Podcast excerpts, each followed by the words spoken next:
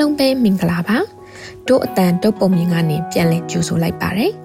ဇလံရုပ်ပုံတွေကနေတစ်စင်အရေးပါလာတဲ့လူမှုရေးရအကြောင်းအရာတွေကိုပုံဖော်တင်ဆက်ပညာပေးနေတဲ့ဒိုးဆက်ကနေစီစဉ်ဖန်တီးထားတာဖြစ်ပါတယ်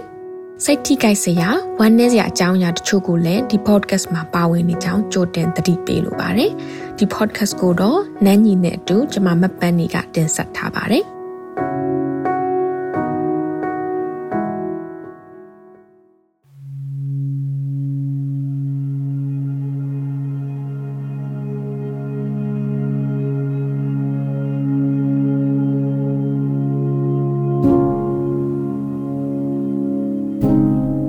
တန်ထုတ်ပုံမြင့်အပိုင်း6အတွက်ဖတ်ပြမယ့်ဇလန်းကတော့တန်ဘူးဆိုတဲ့ဇလန်းဖြစ်ပါတယ်။ဒီဇလန်းကိုပြည့်စုံဖတ်ရှုချင်တဲ့ဆိုရင်တော့ www.dohzat.org ဆိုတဲ့ website မှာဖတ်ရှုနိုင်ပါတယ်။ဒီဇလန်းကတော့သတင်းတင်ဆက်သူအမျိုးသမီးတဦးကပေးပို့ထားတာဖြစ်ပါတယ်။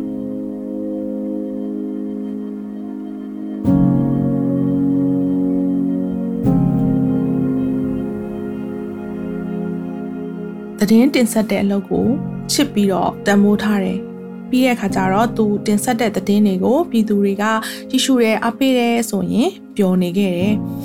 အာနာမသိငင်ကာလတွေတုန်းကဆိုရင်ပုံမှန်ပဲနေ့စဉ်ဘဝတွေကလေပတ်နေခဲ့ပေမဲ့အာနာသိမ့်ပြီးနောက်မှာစပြီးတော့ဖျို့ဖျဲဖြစ်တယ်အထူးသဖြင့်ကတော့သတင်းတင်ဆက်သူလုပ်နေတဲ့သူတို့အတွက်ကနေ့စဉ်နဲ့မျှဒီစိတ်မချမ်းမြေ့စရာသတင်းတွေကိုရေးနေဖတ်နေတင်ဆက်နေရတယ်ပြောနေရတယ်ဒါတွေကိုပဲထပ်တလဲလဲလုပ်နေရတယ်။ "तू ကငယ်ရွယ်သူဖြစ်တဲ့အတွက်စွန့်စားခြင်းနဲ့တော်လှန်ခြင်းနဲ့မတရားမှုကိုမကြိုက်ဘူး။နောက်ဆုံးမှာတော့ तू ကဒီလိုသတင်းတွေတင်ဆက်ရင်းကနေပြီးတော့မလုံခြုံတော့လို့တစ်ဖက်နိုင်ငံကိုအခက်အခဲမျိုးစုံကြားကနေပြီးတော့ခိုးတောင်ခိုးဝက်နဲ့အထောက်ထားမဲစွာနဲ့ဝင်ခဲ့ရတယ်။အဲ့ဒီမှာစပြီးတော့ तू ဟာခံစားလာရတယ်မလုံခြုံစိတ်တွေဖြစ်လာတယ်။ ဘာအဖြစ်ရှိလို့များဒီလိုမျိုးသူများနိုင်ငံမှာလာပြီးတော့ခိုးချောင်ခိုးဝက်နဲ့နေနေရတာလဲဆိုပြီးတော့သူတွေးတွေးပြီးတော့စိတ်ညစ်တယ်ပေါ့နော်ဒီဘက်နိုင်ငံကိုရောက်ခါစားကဘာအထောက်ထားမှမရှိတဲ့အတွက်ကြောင့်မလို့အပြင်အောင်မှမထွက်ရဲဘူးမိုးလင်းမိုးချုပ်အလုပ်ထဲမှာပဲအချိန်ကုန်ရင်းနဲ့အလုပ်နဲ့အိမ်အိမ်နဲ့အလုပ်အဲ့လိုမျိုးပဲကဘာတစ်ခုနေနဲ့ဖြစ်ခဲ့တယ်ကြံခဲ့တဲ့မိသားစုကိုလည်းလုံခြုံရေးကြောင့်မလို့စိတ်ပူလို့တစ်ခါတလေမှပဲဆက်သွယ်တယ် ပြီးရင်လေကောင်းလားကြမ်းမာလားဆိုတဲ့ဟာမျိုးတွေကိုပဲအတူထုံးပြောပြီးတော့ဒီလိုမျိုးချစ်ခင်ရတာတွေလွမ်းတဲ့အကြောင်းတွေပြီးတော့ရင်သူ့ထီးကျန်တဲ့အကြောင်းတွေဒါမျိုးတွေလည်းမပြောမိဘူးပေါ့နော်လူတွေနဲ့တစ်နှစ်ကျော်နီးပါဆက်သွယ်ပြတ်ပြီးတော့သူ့ဟာသူအလုံးနဲ့အိမ်လေးပဲနေနေတဲ့အခါကျတော့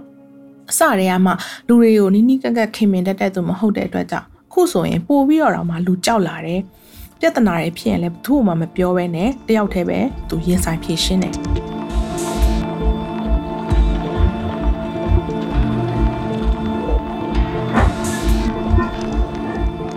တနေ့ကျတော့မြို့ထဲမှာသူအလုပ်ကိစ္စနဲ့သွားလာရင်းနဲ့ထင်မှတ်မထားပဲနဲ့ရေမတော်တဆမှုတစ်ခုဖြစ်ခဲ့တယ်။သူ့ဘဝမှာတစ်ခါမှဒီလိုမျိုး accident ဖြစ်တာမျိုးမကြုံဘူးတဲ့ခါကျတော့အဲ့ဒီနေ့မှာသူတကယ်ကိုကဘာပြတ်တယ်လို့ပဲအရန်ကြောက်နေတယ်။အဲ့ဒီဖြစ်စဉ်အဲ့ဒီအမှုမှာတကယ်တော့ तू ကနစ်နာသူ။ဒါပေမဲ့ तू က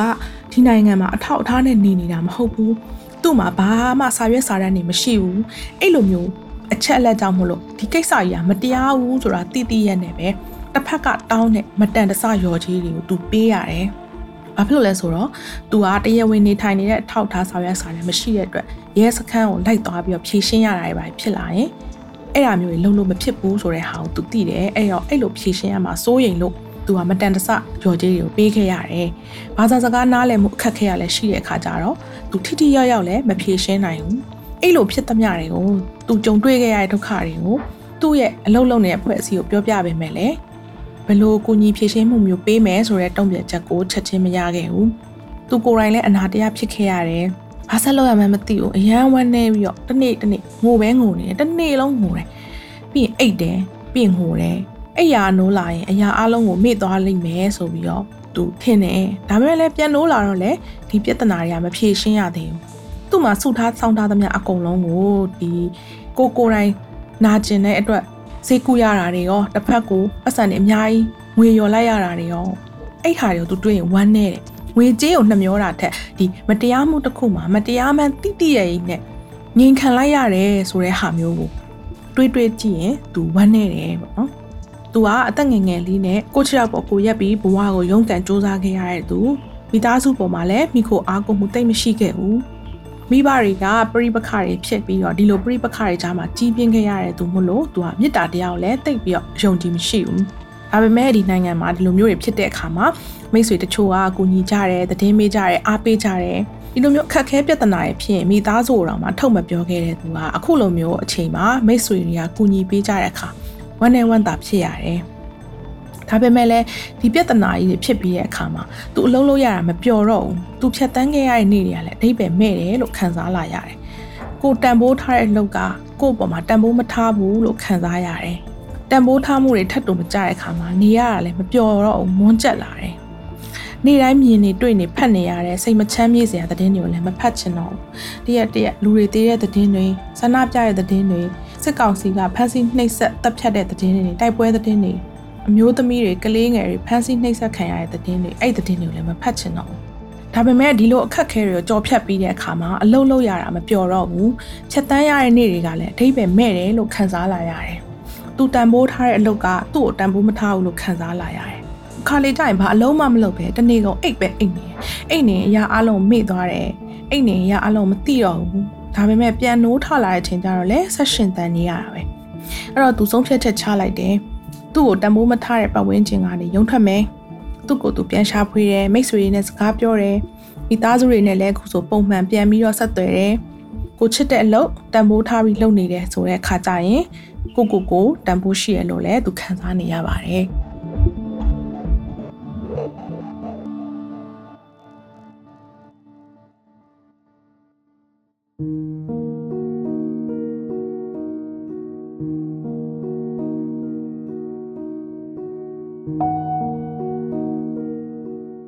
တို့တွေကအမှန်တရားနဲ့ပတ်သက်လာရင်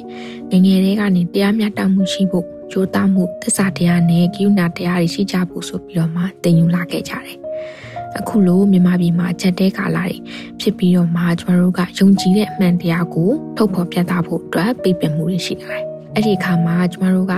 တို့ရယုံကြည်တဲ့အရာတွေအတွက်ကိုတတိတွေအများကြီးလို့ပြီးတော့မှစွန့်စားမှုတွေလည်းအများကြီးလုပ်ရတယ်။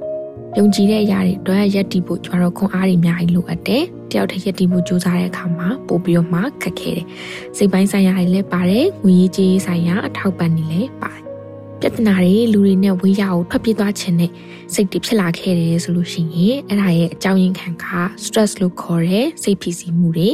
anxiety လို့ခေါ်တဲ့စိုးရိမ်မှုတွေ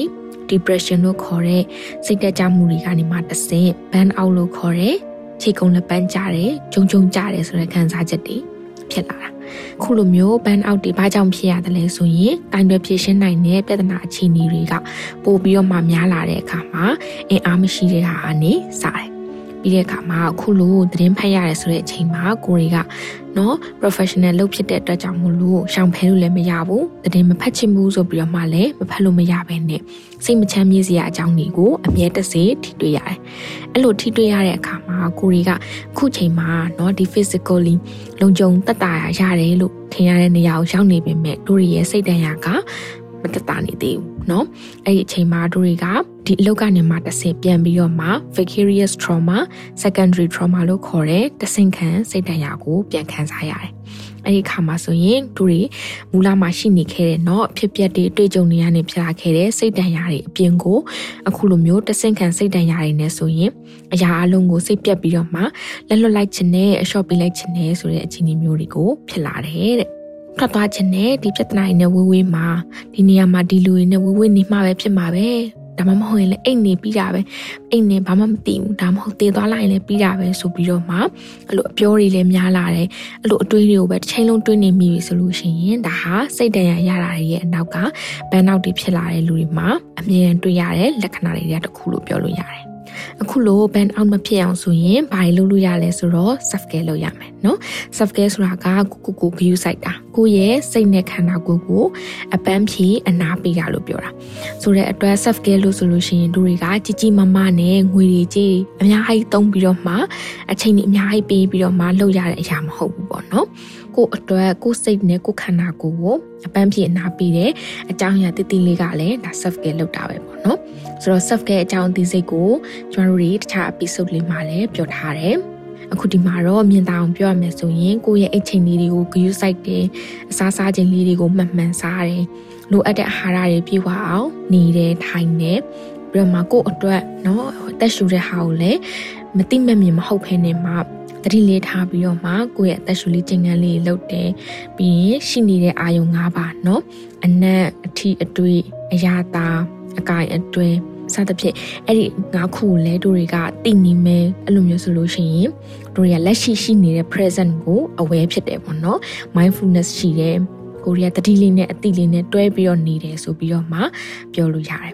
ဒီလိုမျိုး mindfulness တွေရှိခြင်းကလည်းတို့ရဲ့ stress တွေကိုတတ်တာရစေတယ်အဲ့လို stress တွေကိုတတ်တာရတယ်ဆိုရင်တို့ရဲ့ self care ကို cue site တယ်လို့မျိုးနော်ပြီးတဲ့အခါမှာတို့ရဲ့ခံစားချက်တွေကိုတယောက်တည်းမျိုးသိထားတာမျိုးမဟုတ်ဘဲနဲ့ကိုရီရင်ဖွင့်တိုင်ပင်လို့ရတယ်နော်ကိုရဲ့မိသားစုဝင်လည်းဖြစ်ဖြစ်မဲ့တငယ်ချင်းလည်းဖြစ်ဖြစ်မဲ့ဒါမှမဟုတ်ကိုရဲ့နော်ဒီ professional တဲမှာရှိနေတဲ့ကိုအတွက်အထက်လူကြီးတွေလည်းဟောရဟုတ်မယ်ဒါမှမဟုတ်လို့ရှိရင် mental health နဲ့ပတ်သက်ပြီးတော့မှ training တွေယူထားတဲ့ counselor တွေဒါမှမဟုတ် therapist တွေเนาะ mental health advocate တွေနဲ့စကားပြောတဲ့ဟာမျိုး counseling လုပ်တာမျိုးဆွေးနွေးတိုင်ပင်ရင်ဖွင့်တာမျိုးတွေလုပ်လို့ရတယ် မိမိရဲ့စိတ်ပိုင်းဆိုင်ရာခံစားချက်တွေနဲ့ပြဿနာတွေကိုထုတ်ဖော်ပြောဆိုခြင်းဟာရှက်စရာမဟုတ်ပါဘူးเนาะဒီလိုမျိုးစိတ်ပင်ပန်းစရာအချိန်တွေကြုံတွေ့ရချိန်မှာကိုကိုကိုပြန်လဲရှာဖွေနိုင်ဖို့ကိုနှစ်သက်ရာလေးတွေပြုလုပ်တာချစ်ခင်နှစ်သက်ရတဲ့လူတွေနဲ့အချိန်တူတူကုံဆုံးတာဒါတွေကကိုယ့်ရဲ့စိတ်ကြမ်းမာရေးကိုကိုတွေကခ ्यू ဆိုင်နေတာမျိုးဖြစ်တယ်ဒါကြောင့်မို့လို့ကိုရီးယားနေစိတ်တက်ကြတယ်စိတ်တရရရတာတွေရဲ့အနောက်မှာကိုရီးရဲ့အားနေချက်လို့မဟုတ်ဘဲနေမှာကိုကိုရီးရဲ့ ဒီအတွေ့အကြုံလေးတွေကိုကောင်းကောင်းမွန်မွန်လေးကြည့်ဆိုင်မယ်ကိုရီးရဲ့ခံစားချက်ကိုအတိမတ်ပြုမယ်ဆိုလို့ရှိရင်တို့တွေကကိုရီးကြိုက်နေတတ်တဲ့အလုပ်တွေကိုပို့ပို့ပြီးတော့မှကောင်းကောင်းလေးလုပ်လာနိုင်မှာပေါ့နော်ဒါကြောင့်မို့လို့ကိုကိုကို view site ချင်းကနေပဲစတင်ပြီးတော့မှကိုပါဝင်နေတဲ့တိုင်းဝိုင်းကိုစောင့်ရှောက်နိုင်မှာဖြစ်ပါတယ်။